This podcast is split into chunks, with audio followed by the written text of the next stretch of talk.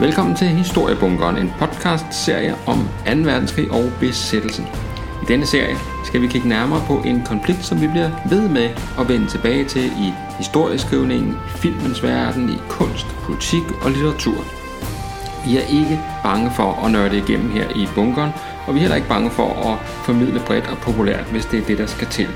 Der er højt til loftet, og alle, der har en interesse for 2.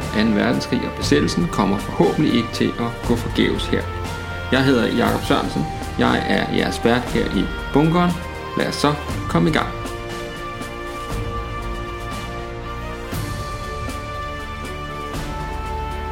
Jeg er, og det skal ikke være nogen hemmelighed, jeg er helt vild med film om besættelsen og 2. verdenskrig. Jeg har set et hav af dem, Øh, mange af dem har jeg set ganske mange gange, øh, måske sådan lidt øh, unaturligt mange gange. Og øh, jeg kan godt lide at, øh, at følge øh, de her dramatiske historier, og jeg kan godt lide øh, den intensitet, som man kan sige, det krigsrummet skaber for, for, for fortællingen. Altså dramaet bliver kan man sige, kun øh, aktiveret endnu mere af, at, øh, at tingene øh, foregår i, i en krigssituation. Så, øh, så det er bestemt et af mine, en af mine øh, favoritgenre, når, øh, når der er filmaften her i øh, bunkeren, så er det næsten altid en, øh, en øh, krigsfilm eller en film om Danmarks besættelse, der ryger på. Og øh, det er det, der det skal handle om i dag. Altså temaet for dagens øh, podcast, det er øh, film om besættelsen. Øh, inden for de senere år, og øh, jeg er jo historiker, så når jeg mener senere år, så er vi faktisk måske de sidste 30-40 år, øh, så øh, er der kommet en, en lang række film, øh, der har øh, besættelsen som øh, fokus på den ene eller på den anden måde. Og øh, jeg vil gerne lige øh, komme i dag med nogle pointer om nogle af dem, og, øh, og måske... Øh, øh, lave en slags øh, konklusion på, hvad det er for en fortælling om besættelsen, som de præsenterer. Jeg vil i hvert fald gerne sige noget om, hvad for en historie vi ikke hører noget om. Og, øh, og det øh, er ligesom, øh, kan man sige, øh, dagens tema. Altså, hvad er det, vi ikke får at vide her, når vi ser de her forskellige øh, glimrende danske spillefilm. Så er der også et, øh, en, lille, øh, en lille bonusinfo og øh, en lille øh, appetit øh, vækker til en øh, anden besættelsesfilm, som er blevet sådan noget overset øh, i tiden. Øh, det kommer vi til senere. Og til sidst, øh, så slutter vi selvfølgelig også, øh, som vi plejer, af med en anbefaling. Og øh, i dag øh, kan jeg jo godt sige, uden at afsløre for meget, at vi skal til det høje nord. Nå, men tilbage til besættelsesfilmene. Øhm, der er måske ikke så mange af jer, der har set øh, den ret fine film Fugle over sundet øh, fra 2016 af instruktøren Nicolo Donato, som øhm, er en Øh, det handler om en, øh, en øh, jødisk familie. Øh, faren han er øh, musikant, og, øh, og de har et, øh, et lille barn. Øh, og de, øh, de øh, hvad hedder det, man møder dem øh, umiddelbart inden øh, aktionen mod de danske jøder i øh, oktober 1943. Øh, og så følger man ellers øh, deres flugt øh, til, øh, til Nordsjælland, til Gilleleje og øh, øh, øh deres forsøg øh, på at komme til øh, i sikkerhed i Sverige. Øh, det er en øh, dramatisk, meget sådan intens øh, film, som, øh, som er, kan man sige, på den ene side er det, sådan, er det jo, kan man godt se på den, at det er en, øh, altså hvad skal man sige, det er, ikke en, det er ikke en stor film, altså de har ikke haft et uendeligt budget til at, øh, at bygge alt muligt scenografi og sådan noget op, men øh, til gengæld er der nogle virkelig stærke øh, skuespillere med på øh, alle øh, pladser, og øh, og det man ikke har i øh, store øh, historiske scenerier, det har man så i, kan man sige, små, intense øh, miljøer, hvor de her øh, ting udgår blandt, øh, udspiller sig blandt andet øh, den berømte øh, episode med... Øh, der foregår på loftet, øh, kirkeloftet i, øh, i Gilleleje, hvor en, øh, en række øh, af de danske jøder øh, forgæves desværre øh, øh, gemmer sig for, øh, for tyskerne. Og, øh, og det som øh, altså på faktisk alle måder er en god film. Altså det vil sige, den er spændende, den er, den er øh, dramatisk, øh, den er, øh, altså man bliver virkelig revet med. Øh, så er det alligevel en film, som kan man sige, er lidt problematisk, og, øh, og, og det er den først og fremmest fordi, at øh, det er jo en fiktionsfilm, kan man sige. Altså det er ikke en virkelig historie, vi har med at gøre. Det er ikke Øh, ægte personer. Vi kan ikke navngive øh, øh, hovedrollerne, men vi kan se, at den er meget inspireret af af virkelige hændelser, altså eksempler med kirkeloftet, som jeg lige nævnte, øh, og andre ting, som sådan er utroligt tæt på, øh, på hvordan det egentlig foregik. Men alligevel, så øh, skal der skrues lidt op for dramaet, og, øh, og uden at afsløre for meget, så øh, øh, er der en, en, en af de her øh, filmens sådan centrale figurer, som bliver, som bliver skudt ned på, øh, på gaden af en, øh, af en dansker i øh, tysk tjeneste. Og hvorfor er det så øh, problematisk? Jo, øh, det er det, fordi det foregik ikke sådan. Altså, der var ikke nogen danske jøder, der blev skudt ned i forbindelse med øh, jødeaktionen. Og øh, det gjorde de jo i alle mulige andre lande. Det er slet ikke det. Øh, alle mulige andre besatte lande øh, øh, var der jo ikke øh, lagt nogen fingre imellem overhovedet. Men, øh, men det skete altså ikke i Danmark. Og, øh, og der er det, min undren her går jo på, hvorfor, hvorfor skal der skrues op for dramaet her? Altså vi har en på alle mulige måder øh, god, vellykket, spændende film, som jeg virkelig, virkelig vil anbefale, alle skal se. Øhm, fordi mit indtryk er, at den ikke fik sådan så stort publikum, som, øh, som den egentlig fortjener. Men man, man skruer alligevel op på nogle afgørende punkter, hvor det ikke er nødvendigt. Altså, hvor jeg min bedste overbevisning det er, at virkeligheden var jo dramatisk nok, øh, og, og alle de scener, der er omkring, øh, kan man sige, øh, øh, flugten, og, øh, og hvor de gemmer sig fra, fra tyskerne og alt muligt andet, det er super dramatisk, og, og det, er, det er så at sige rigeligt. Hvorfor er det, vi lige skal, skal toppe den op med en... Øh, med en, hvad hedder det, øh, med en, en kan man sige, en, en, en helt faktuel forkert øh, scene. Og det, det undrer mig lidt. Altså, var det ikke slemt nok, kan man sige, at, øh, at de her mennesker blev indfanget og sendt i øh, koncentrationslejre?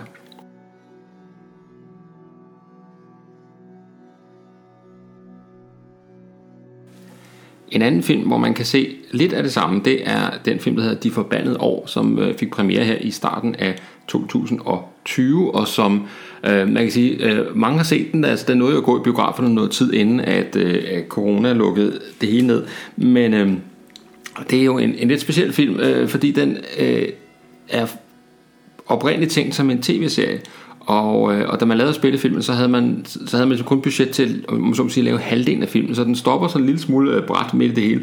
Men øh, heldigvis lader det til, at øh, så man kan forstå på presse og så videre, at, øh, at der er fundet penge til at lave filmen færdig, om man så må sige. Og så ender øh, de forbandede år øh, del 1 og 2, øh, når den så endelig øh, kommer, altså efter min mening med at være, kan man sige, den store film, den store film om besættelsen. Altså det, er, det, det lover virkelig godt i, øh, i første øh, første del. Men alligevel, så øh, på trods af det, altså på trods af, at man faktisk her har et meget nuanceret blik på, øh, kan man sige, mange positioner i det danske samfund under besættelsen, altså det vil sige udfordring med eksempelvis øh, øh, filmens hovedperson er direktør i en øh, elektronikfabrik, og, øh, og det er klart, hvis øh, han skal drive fabrikken videre øh, på samme niveau som før øh, 9. april 1940, så skal han jo på en eller anden måde sælge noget til tyskerne. Altså, det er ligesom den, det, er det marked, der er. Og, øh, og det er jo så et af de centrale dilemmaer. Øh, man har ikke lyst måske til at, at handle med tyskerne. På den anden side, man har ikke lyst til at lukke sin virksomhed ned og gå fra hus og hjem og fyre alle sine medarbejdere. Det er jo et, et klokkeklart dilemma, der er til at tage at føle på. Det er bare et eksempel på, øh, på de her, kan man sige, meget øh, eksemplariske dilemmaer, som filmen sådan øh, trækker frem. Øh, så man kan sige, vi kommer altså øh, under huden på øh, sam, øh, samarbejdspolitikkens dagligdags udfordringer. Det er altså velspillet, flot lavet, øh, en stor film. Øh, det er øh, rigtig godt. Øh, alt spiller sådan set. Men også her synes jeg, at der bliver skruet op nogle steder, hvor man ikke behøver at skrue op. I, øh, I starten af filmen, filmen starter ligesom 9. april 1940, der, øh, der øh, bliver øh, tidligere om morgenen, øh, og øh, man kan sige, ja, altså, øh, der er noget øh, sølvbrøllup, og, øh, og det falder sammen med de første tyske flyvere, og der må man sige, det er utroligt tidligt, de står op for at, at blive fejret der til sølvbryllup, men lad det nu ligge. Det falder i hvert fald sammen meget øh, dramatisk med at de her tyske fly, der kommer, og, øh, og samtidig indfinder der sig også nogle, nogle, nogle flygtninge, der skal have hjælp til at komme til Sverige. Øh, nu kommer det til at lyde meget klichéagtigt, det er jeg godt klar over, men det, men det er ligesom den helt komprimerede udgave af, hvad der foregår. Og øh, filmens hovedperson, han tilbyder så at, øh, at tage øh, bilen og køre de her mennesker øh, til, øh, til værløse flyveplads øh, med håb om at få et øh, fly øh, derfra til Sverige. I virkelighedens verden, så... Øh, så hvad hedder det, bliver øh, Værløse flyveplads jo angrebet af tyskerne øh, om morgenen den 9. april, hvor de, øh, hvor de så at sige sætter øh, den ret beskedende danske øh, flystyrke ud af spillet der. Og det falder altså sammen med i filmen, at øh, vores hovedperson ankommer i bilen der, og, øh, og der bliver øh, det her angreb altså øh, fremstillet som sådan et, kan man sige, nærmest et tæppebombardement af Værløse flyveplads. Øh, det regner ned med granater øh, eller bomber fra flyene, og og bilen der, øh, som, øh, som vi følger, bliver næsten sådan jagtet gennem, øh, gennem skoven der. Og så. Det er meget, meget dramatisk og meget voldsomt. Og, øh, øh, og jo altså også fuldstændig øh, ude af trit med, hvad der skete i virkeligheden. Altså, øh, man bombede, tyskerne bombede ikke flyvepladsen, de beskød den med maskingevær og maskinkanoner. Men altså ikke med, med, øh, med altså man smed ikke øh, granater ned over, og man jagtede i hvert fald slet ikke, øh, kan man sige, en civil bil, som var på vej derhen.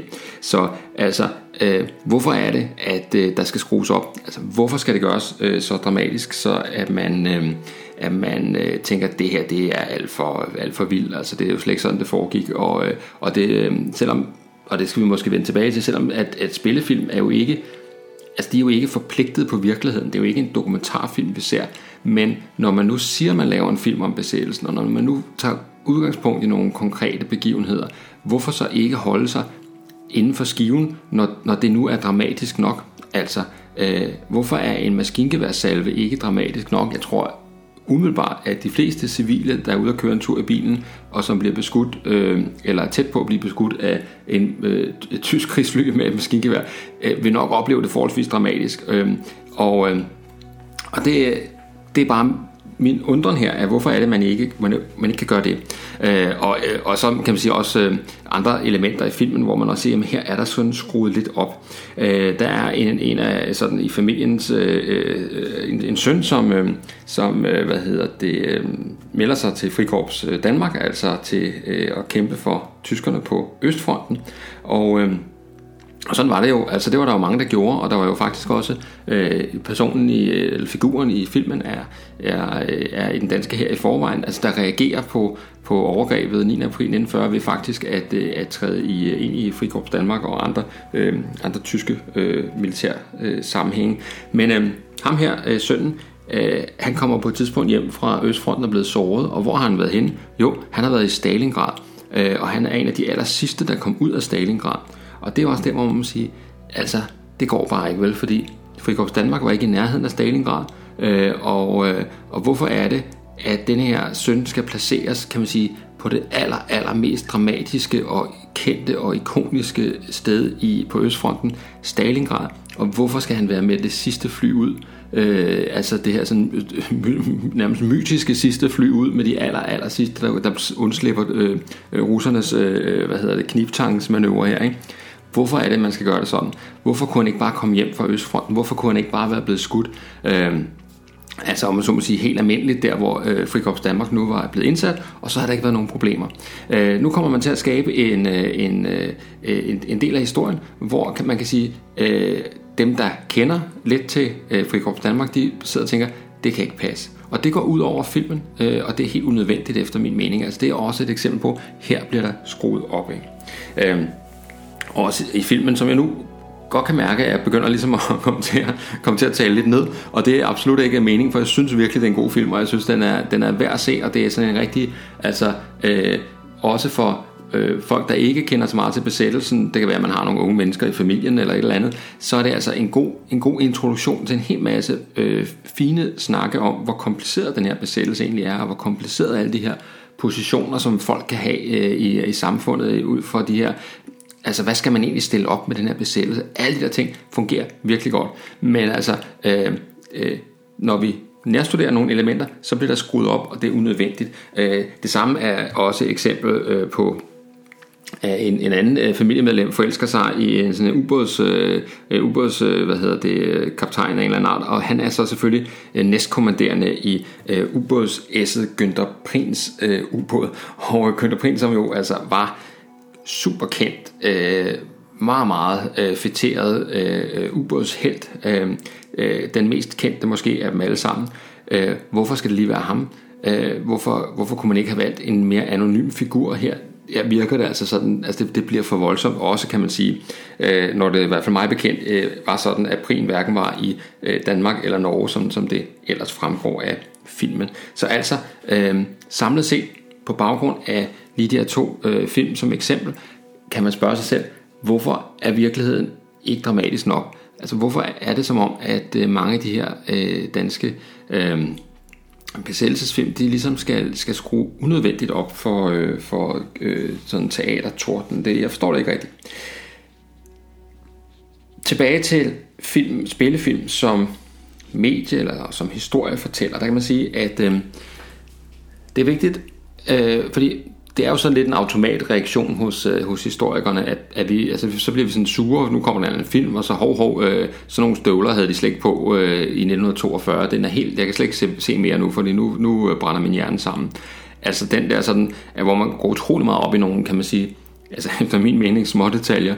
Øh, og der må man jo erkende, at film, spillefilm er noget andet end historiebøgerne, og, øh, og man skal ikke stille de samme krav Film er forpligtet af nogle helt andre ting. De er forpligtet af at have en, en, øh, en god spændingskurve, altså de skal holde os fast i øh, biografsæderne, ikke?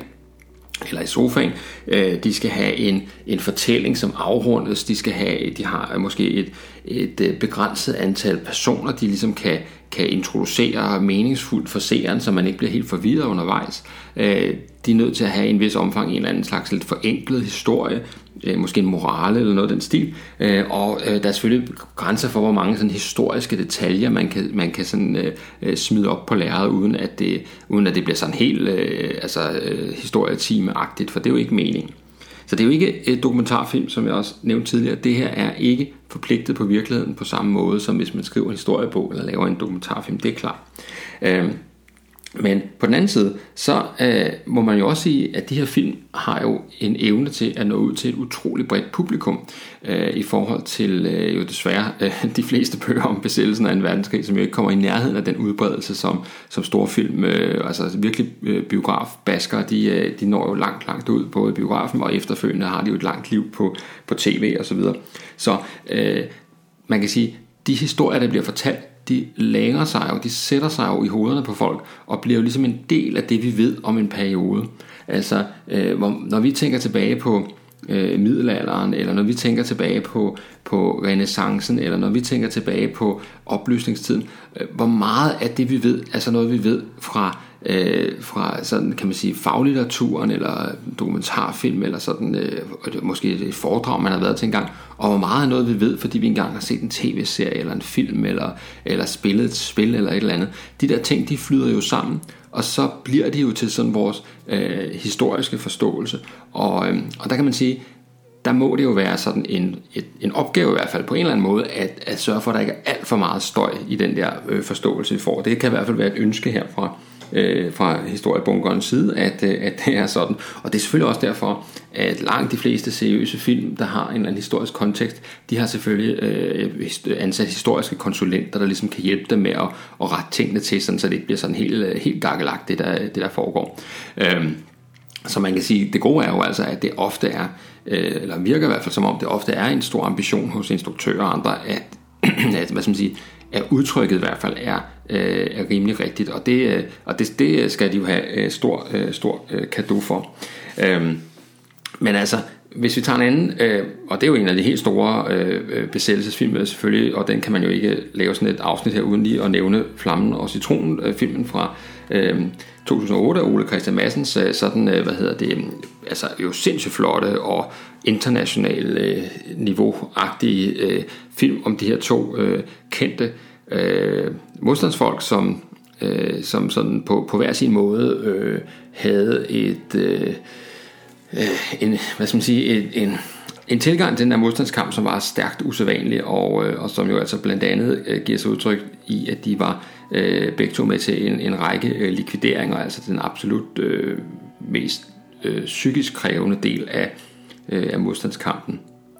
Altså det her med at gå hen og slå et andet menneske ihjel på klodshold, det, er, øh, det var ganske få, øh, som, øh, øh, som havde øh, det, der skulle til, øh, eller det, de mente, der skulle til for at øh, gennemføre den slags. Og, øh, øh, rigtig mange af øh, dem, der deltager i likvideringerne, de er kun med på en enkelt aktion, måske to, men øh, Flamme og Citronen var altså øh, deltog i en række af de her, øh, de her likvideringer, og det er selvfølgelig oplagt øh, filmmateriale, og de dør jo altså også begge to i, øh, i sådan, kan man sige, øh, i konflikt, øh, direkte konflikt med, med tyskerne, så der er jo alt, plads til alt muligt drama. Men altså også her, kan man sige, der ser vi en, at man strammer øh, virkeligheden, altså at der bliver skruet lidt op for nogle ting. Noget af det, der bliver øh, skruet op for, det er jo selvfølgelig, kan man sige, øh, det er jo selvfølgelig, at man fortætter jo miljøet, altså man gør jo, man gør jo altså for, for at lave nogle dramatiske scener, for at skabe, skabe noget, noget, noget, noget intensitet i filmen, så komprimerer man ting, og det, og det bliver sådan til for eksempel, at modstandsfolkene sidder og spiser smørbrød og fejrer deres øh, aktioner, altså på det samme værtshus, hvor nazisterne sidder nærmest ved nabobordet og sådan noget. Ikke? Og altså, det er jo helt ved siden af. Ikke? Men, men, men det, det er man jo nødt til filmisk for at skabe det der, øh, altså nogle, nogle, man, der er grænser for, hvor mange scener man kan have, altså hvor mange sådan locations man kan have, og så laver man sådan en location, som på en eller anden måde bliver sådan et omdrejningspunkt for alt, hvad der foregår i filmen. Og, og det giver jo et galt indtryk af, ligesom at man gik så klods op og ned af hinanden. På samme måde så øh, bliver meget af Flammer Citronens øh, kamp under, øh, i løbet af filmen der, jo også en slags sådan, personlig opgør med, med øh, naziskurken øh, Karl-Heinz Hoffmann, som, øh, som er altså virkelig person, som, som, øh, som er en del af, af, af tyskernes sådan, øh, øh beredskab øh, øh, bekæmpelse af, af modstandskampen. Øh, og, øh, og i filmen har man heller ikke helt kunne, øh, kunne øh, dyse sig for at, at gøre ham til en sådan skaldet, altså sådan kan man sige sådan skaldet sådan arketype nazist, ikke? Hvor, hvor virkelighedens Hoffmann jo altså var sådan en med meget stort, flot hår øh, nærmest, ikke? Øh, så altså, øh, der bevæger man sig lige ude på, på klichéens øh, overdrev nærmest, øh, men, øh, men det er jo altså også igen øh, for at, at skabe en god film, og ikke for at lave en, øh, en dokumentarfilm. Og efterfølgende har øh, ham, der hedder Gunnar Dyrberg, øh, som jo var øh, veteran, altså gammel modstandsmand, og også deltog i øh, likvideringerne, og også var ganske tæt på Flammen og Citronen. Øh, Dyrberg var en del af det, man kaldte de ensomme ulve, altså sådan en lille gruppe på en, på en fire mand, som, som sådan ret selvbestaltet øh, gennemførte øh, aktioner og likvideringer osv. Og, og han har øh, øh, i forskellige sammenhæng stillet spørgsmålstegn med nogle af de her sådan, centrale ting, man ser omkring øh, eksempelvis beslutningsprocessen omkring øh, likvideringerne, altså hvor hvor det er nærmest, øh, Flamme Citron nærmest får udleveret sådan små sædler af, af deres øh, sådan, og, øh, chef der, som sådan siger, nu så i dag så er det dem, og i morgen så tager jeg dem, og så øh, er det bare om at komme i gang. Hvor øh, Dyrberg jo altså betoner det langt mere sådan... Øh, øh, individuelle beslutninger, som øh, mange af de her likvideringsfolk faktisk tog, altså at det ikke var, altså det netop ikke var ordre oppefra, men det var, øh, det var sådan øh, noget, man, man mere eller mindre selv øh, besluttede sig for, hvem der skulle likvideres og, øh, og hvorfor, og det var også derfor, kan man sige, at, at likvideringerne efterfølgende har spillet så stor en, en rolle i debatten, fordi det er klart, at, øh, at når beslutningsgrundlaget er forholdsvis tyndt, og det foregår i en presset øh, besættelsessituation osv., så sker der selvfølgelig det, man kan kalde fejl, altså folk, der bliver likvideret for øh, enten øh, ved en fejl, altså det, de slet ikke skulle, de ikke havde gjort noget, eller også var det, de havde gjort, altså virkelig så i småtingsafdelinger slet ikke noget, der retfærdiggjorde den her type, den her type handlinger. Øh, Dyrberg han nævner og flere ting, og nogle, en af dem det er jo sådan et, et meget interessant øh, detalje, det med i filmen, så har man indtryk af, at Flammer Citronen, de kører utrolig meget rundt i bil, øh, og øh, og de kørte også i bil, øh, og, og faktisk også, som man ser i filmen, så fik de også lakeret bilen om indimellem, så den skiftede farve, så den ikke var så meget opsigt. Men ellers foregik næsten al trafik under besættelsen øh, for alle andre end øh, værnemagten og øh, måske øh, øh, nogle læger eller enkelte danske myndigheder. Det foregik jo på cykel. Så øh, cykler var jo altså det øh, helt dominerende øh, transportmiddel, og det får man ikke rigtig indtryk af i filmen, som sådan på den måde måske øh, lander med at være lidt mere en slags flot, flot gangsterfilm, øh, en, mere end en, kan man sige, øh, sådan øh, realistisk øh, modstandsfilm. Og øh, øh, filmen var selvfølgelig også, som det næsten er øh, en tradition, en stor debat, hvor historikerne var sure over alle mulige forskellige ting, øh, men, øh, men øh, øh, grundlæggende skal man se den som en god film, og, øh, og lade sig inspirere til at, øh, at, at dykke mere ned i, øh, i perioden.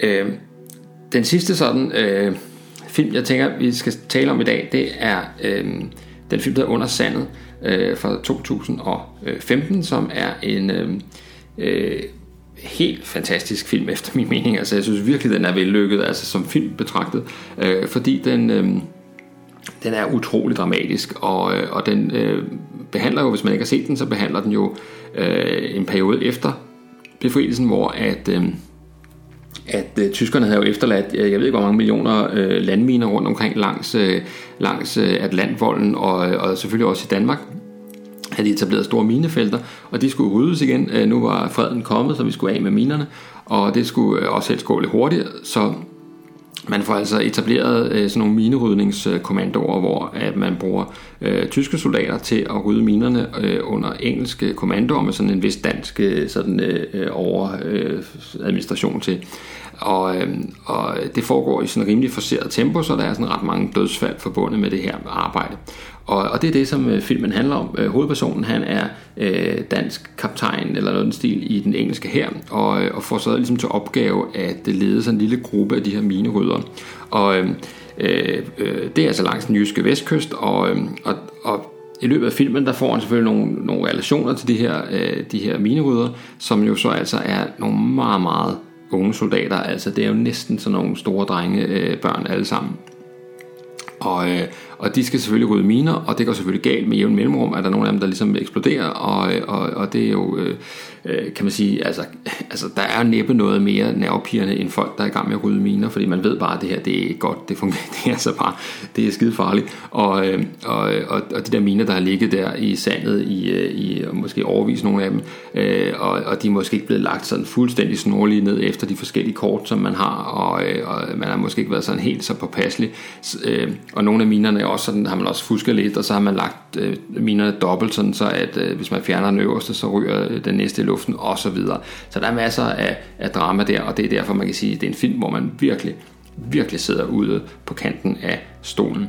Men øh, også her kan man sige, der er der sådan nogle steder, hvor man skruer op for øh, for, for dramaet i en situation, hvor det efter min bedste, bedste, bedste overbevisning altså overhovedet ikke er nødvendigt, fordi det er jo i sig selv højspændt dramatik, det der foregår. Øh, altså for det første, øh, og mest centralt, hvorfor skal det være sådan nogle drengesoldater? Altså, hvorfor vælger man ikke at vise en gruppe, som faktisk stemmer overens med det, vi ved, altså at det var øh, først og fremmest øh, tyske ingeniørtropper, som blev brugt til de her ting, altså folk, som i en eller anden omfang i hvert fald formodes at have øh, øh, viden om, hvad de foretager sig, når det, når det drejer sig om den her type opgaver. Hvorfor øh, skal det fremstilles som om, det er nogle 14, 15, 16-årige drenge, der dårligt nok har øh, fået øh, dun på øh, hagen, som skal, øh, som skal gennemføre det her. Altså, er det ikke slemt nok, at voksne bliver slået ihjel under sådan nogle forserede øh, omstændigheder? Øh, det, det undrer mig virkelig, at, at man i en film som ellers øh, altså er utrolig vellykket, øh, har fundet det nødvendigt ligesom at, at, at skrue op for det. Altså det, det, det, det giver simpelthen nogle forbehold, og det giver en skævvridning, synes jeg, i forhold til, øh, kan man sige, den virkelige historie. Og, øh, og det gør så også gældende, synes jeg, og, og som, som et interessant eksempel på, hvis man tager en enkelt scene ud og, øh, og sådan kigger lidt nærmere på den, så, øh, så øh, da vi møder hovedpersonen, som er sådan en øh, øh barsk øh, kaptajn, øh, som øh, er, hvad hedder det... Øh, øh, selvfølgelig øh, været i kamp og hjemvendt for krigen og har øh, naturligvis, øh, ikke naturligvis, men har i hvert fald et, helt klart et stort had til, til, øh, til fjenden som er, altså det er, han spiller sindssygt godt. Men, men der møder man ham, og så sidder han øh, i, sin, øh, i sin jeep øh, og kigger på sådan en kolonne af, af tyske soldater, der øh, marcherer hjem mod, øh, mod Tyskland. Krigen er slut, øh, de har overgivet sig, værnemagten øh, øh, her og alt muligt andet, øh, det hele er faldet fra hinanden, så nu skal de bare hjem og finde ud af, hvad der ligesom er sket med deres øh, store by og alt muligt andet. Øh, der venter jo, øh, om man nok sige, nogle store opgaver for de her mennesker. Men de kommer altså gående der, og de har selvfølgelig øh, øh lidt nogle tasker, lidt pakkenelliker med og sådan noget. Og så kommer en af dem gående, en af de tyske soldater, han kommer gående med Dannebro i favnen.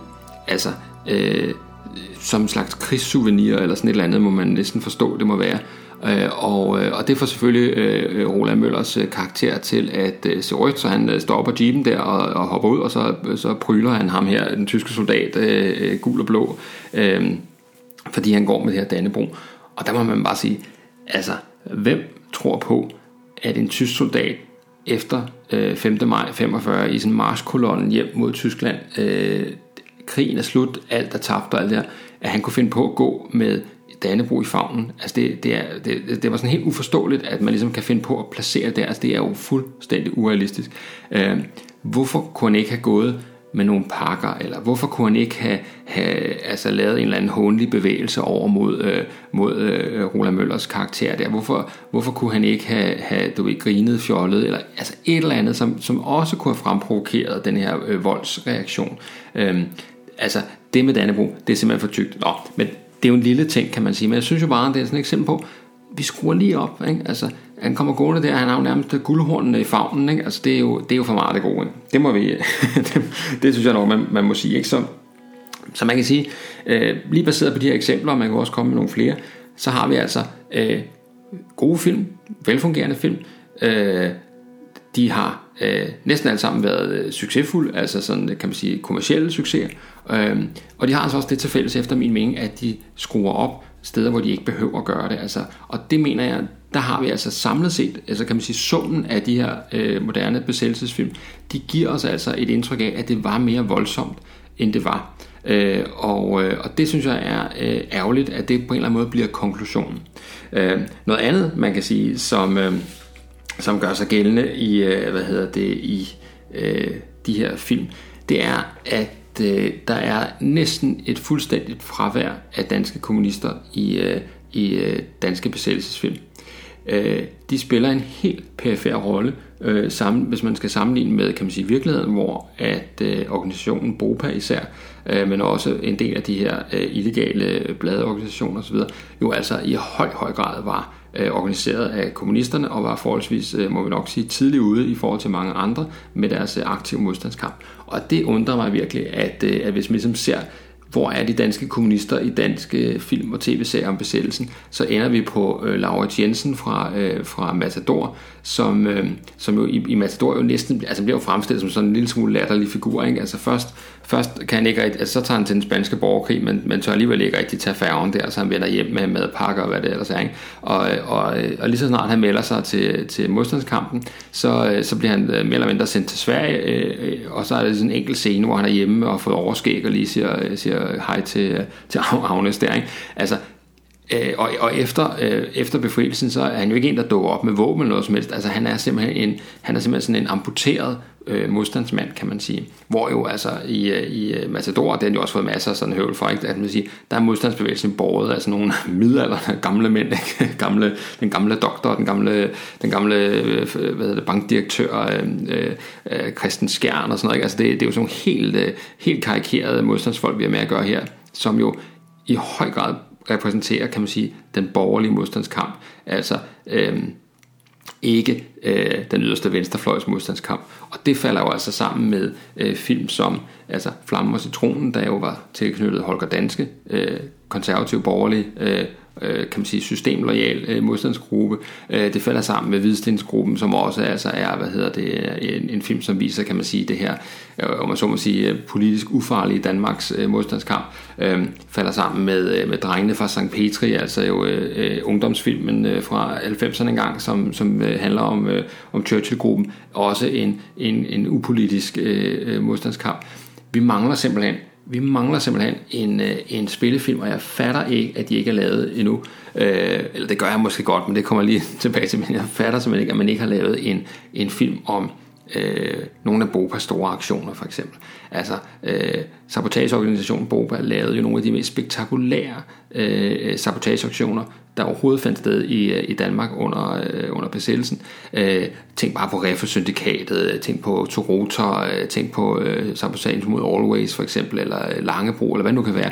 De her store aktioner, det vil jo være, altså det, det er jo guf som en film. Altså der er, der kan, man kan, altså det, det, er, det ligger lige på den flade hånd at lave en dramatiseret udgave af det her. Men problemet er jo, at, øh, at så bliver heltene pludselig kommunister. Og der har vi altså siden krigen øh, været øh, hæmmet af at ligesom anerkende den del af øh, modstandskampen, fordi den selvfølgelig øh, er faldet sammen med den kolde krig og, øh, og, og øh, hele den her ideologiske konflikt med, med, øh, med Øst og Vest osv., osv., så, så nytter det altså ikke rigtig noget at lave film eller fremstillinger, hvor at øh, kommunisterne er helte øh, og, øh, og effektive modstandsfolk. Den historie, den kan vi ikke rigtig tåle på det store lærred endnu, men altså er det ikke sådan, at nu lever vi i 2020, øh, altså øh, det er, øh, muren er jo faldet for adskillige år siden, øh, Sovjetunionen er væk, alt det der er, er, er historie, kunne det ikke være fantastisk med en, øh, en Bopa-film. Øh, nu er ideen i hvert fald øh,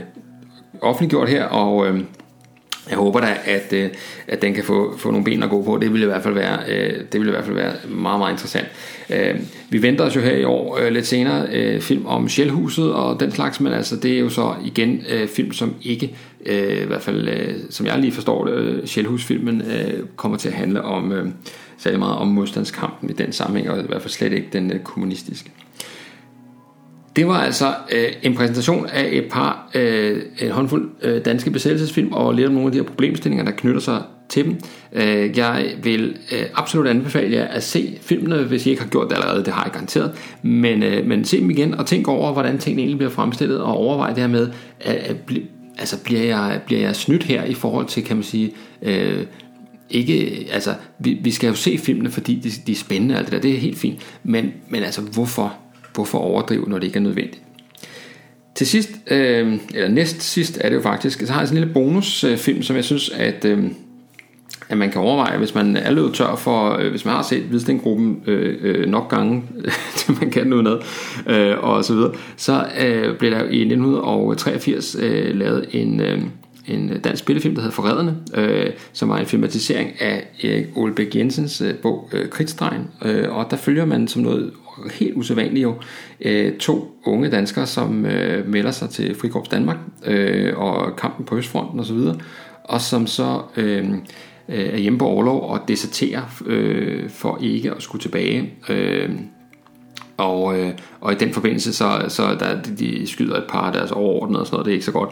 Så de flygter og bliver øh, gennem, øh, eller eftersøgt af øh, både besættelsesmagt og modstandsbevægelse og alt muligt. Og øh, øh det er Ole Meier og Allan Olsen, øh, der spiller de to, øh, de to unge mænd. Og de kommer ud for lidt af hvert undervejs i den her film. Blandt andet møder de øh, Sanne Salomonsen, øh, som spiller sådan en øh, øh spiller med her. Og øh, det er i hvert fald en... Øh, en film med et lidt andet vinkel på øh, besættelsen, end vi er vant til. Og, øh, og øh, jeg synes, øh, mit indtryk af den er sådan blevet en lille smule overset, men den kan altså lejes på blockbuster.dk for 29 kroner, tror jeg det er, og, øh, og så, øh, så har man jo adgang til den. Så hvis man ikke lige man har fået set Forræderne, så øh, synes jeg da i rækken af film om besættelsestiden, den er værd at, øh, at fremhæve. Til sidst har vi jo øh, øh, et fast punkt, hvad hedder ugens anbefaling, og øh, denne her gang er det øh, en, øh, skal vi til Finland, og øh, på de forskellige streamingtjenester, øh, HBO og altså Netflix, af en eller anden grund på begge streamingtjenester, der kan man i øjeblikket se øh, miniserien Den ukendte soldat, øh, som, øh, som er en, øh, hvad skal man sige, en miniserie, der er vokset ud af øh, spillefilmen Den ukendte soldat, som havde premiere i 2019, tror jeg det var, og så øh, har man altså ligesom, øh, da man lavede filmen, lavet materiale nok og strukket det, så man kunne lave en øh, miniserie i fire afsnit. Og den er altså tilgængelig der, og, øh, og den skal man se, for det er, øh, det er en øh, vanvittig god serie. Øh, den baserer sig på øh, øh en øh, roman skrevet af den finske forfatter, og nu må jeg undskylde mig med det finske her, jeg er ikke, jeg er ikke skarp øh, ud det finske. Uh, han hedder vist nok uh, Venø Lina, altså V-E-I-N-O, eller Ø, Venø, og så Lina, L-I-N-N-A. Og øh, romanen, uh, som også hedder Den ukendte soldat, den er fra Øh, 1954 og handler om øh, det, man kalder forsættelseskrigen. Altså det vil sige, øh, vi kender næsten alle sammen nok den finske vinterkrig øh, i vinteren 39-40, hvor russerne jo altså angriber Finland, og hvor Finland forsvarer sig virkelig længe og meget imponerende, blandt andet med denne her sådan... Øh, altså de opfinder sådan nogle, altså har sådan en taktisk forståelse og opfinder noget, der hedder mochi, som er sådan en bestemt form for bagholdsangreb, som, øh, som er virkelig effektiv mod de her russiske styrker.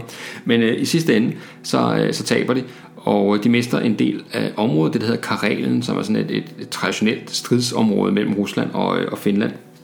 Og øh, i 1941, i forbindelse med øh, Operation Barbarossa, altså det tyske angreb på Sovjetunionen, der, øh, der øh, springer Finland med på vognen og er jo faktisk øh, Tysklands øh, allierede, øh, og de øh, øh angriber øh, øh, Rusland, altså Sovjetunionen, øh, i 1941, og, øh, og det er altså det, vi kalder forsættelseskrigen. Og det, der følger man altså i øh, bogen og i filmen og i serien, der følger man altså de her, øh, de her øh, finske soldater, øh, når de angriber først, tilbage erobrer de øh, det tabte land, og så begynder de altså også at rykke ind i i, øh, i Rusland. Og det, som der jo er, man lige skal have med her, det er jo, at øh, de befinder sig temmelig tæt på, øh, på Leningrad, altså det nuværende St. Petersborg, og det vil sige, at, øh, at så kan russerne øh, pludselig ikke bare skulle forholde sig til øh, tyskernes fremrykning sydfra, nu er der pludselig også en finsk styrke, der kommer nordfra.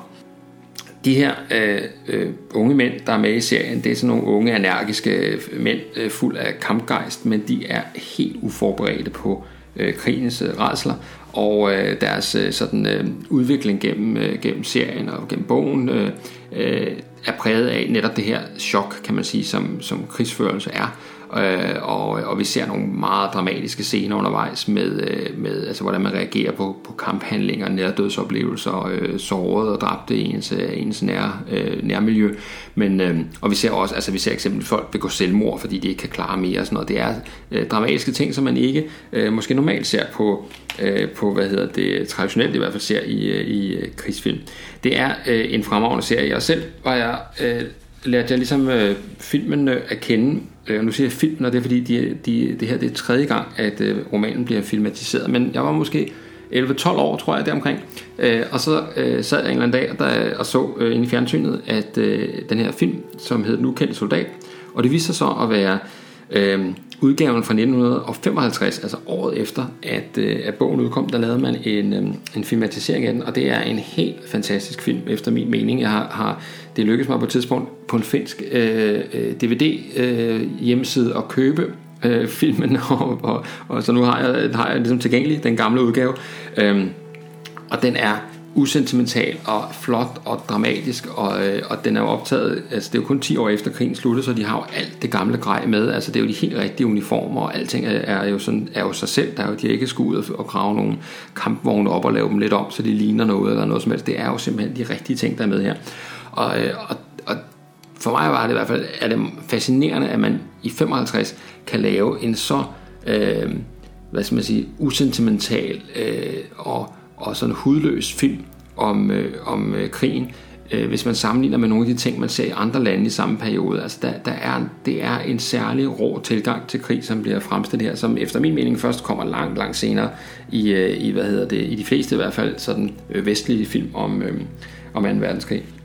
Øh, romanen, som øh, filmen baserer sig på, øh, er, var, øh, eller forfatteren har selv, var selv med i, øh, i krigen der, og, øh, og, og, og det er en kæmpe bestseller på, øh, på finsk. øh, har solgt altså øh, noget i retning af 600.000 eksemplarer øh, samlet set i øh, over 60 oplag, så det er jo altså en, øh, noget af en øh, noget af en øh, et dunder af en roman, kan man sige, i sådan en finsk litteraturhistorie.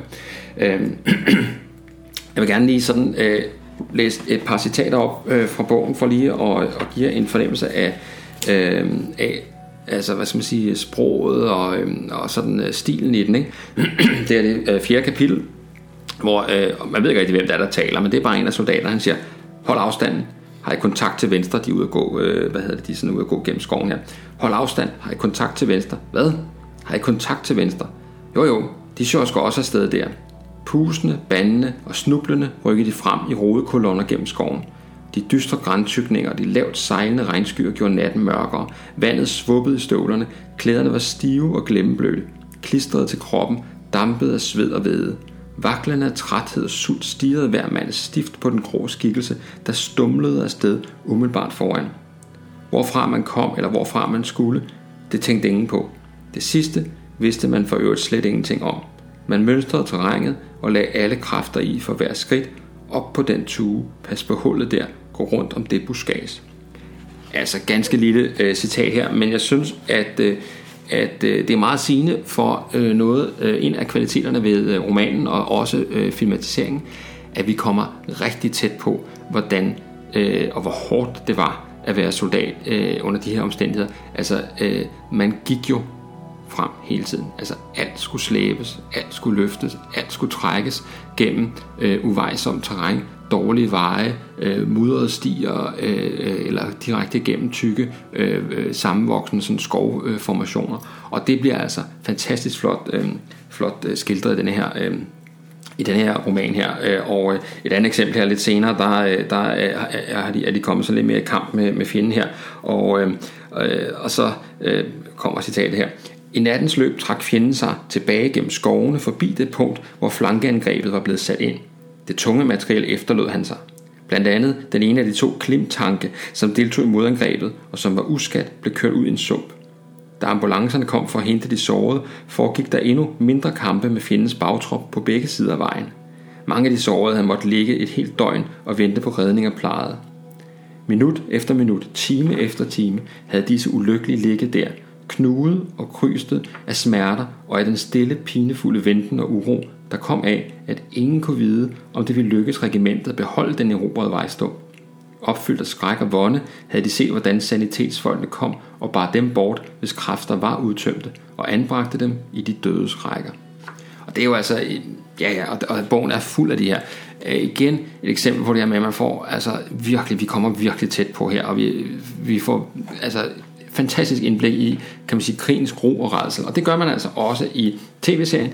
TV-serien er efter min mening en slags, øh, en slags øh, altså helt på højde med, øh, med Band of Brothers, eller Kammerater i krig, som den også hedder på dansk. Altså den her Steven Spielberg, Tom Hanks serie, som for en del år efterhånden blev, blev lavet sådan i kølvandet på, på Saving Private Ryan. De minder meget om hinanden i, i øh, stil, farvesætning, klip, lyd osv. Og, og, og det er altså øh, det er, kan man sige, meget imponerende håndværk, øh, og at, at man sådan herude i de, de finske skove kan filme en international øh, krigsfilm på det her niveau, den skal absolut være at, øh, og at kaste over. Så det tip er hermed givet videre her fra Historiebunkeren. Det var dagens afsnit. Øh, tak fordi du lyttede med. Det er øh, ganske gratis at øh, høre historiebunkeren. Øh, det drives, øh, foretagendet her drives af interesse for historie og begejstring for gamle dage.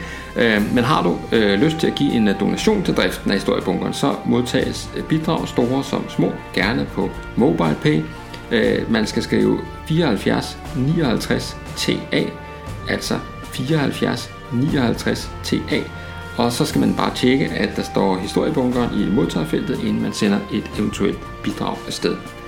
På forhånd tak, og på genlyt næste gang bunkeren åbner op.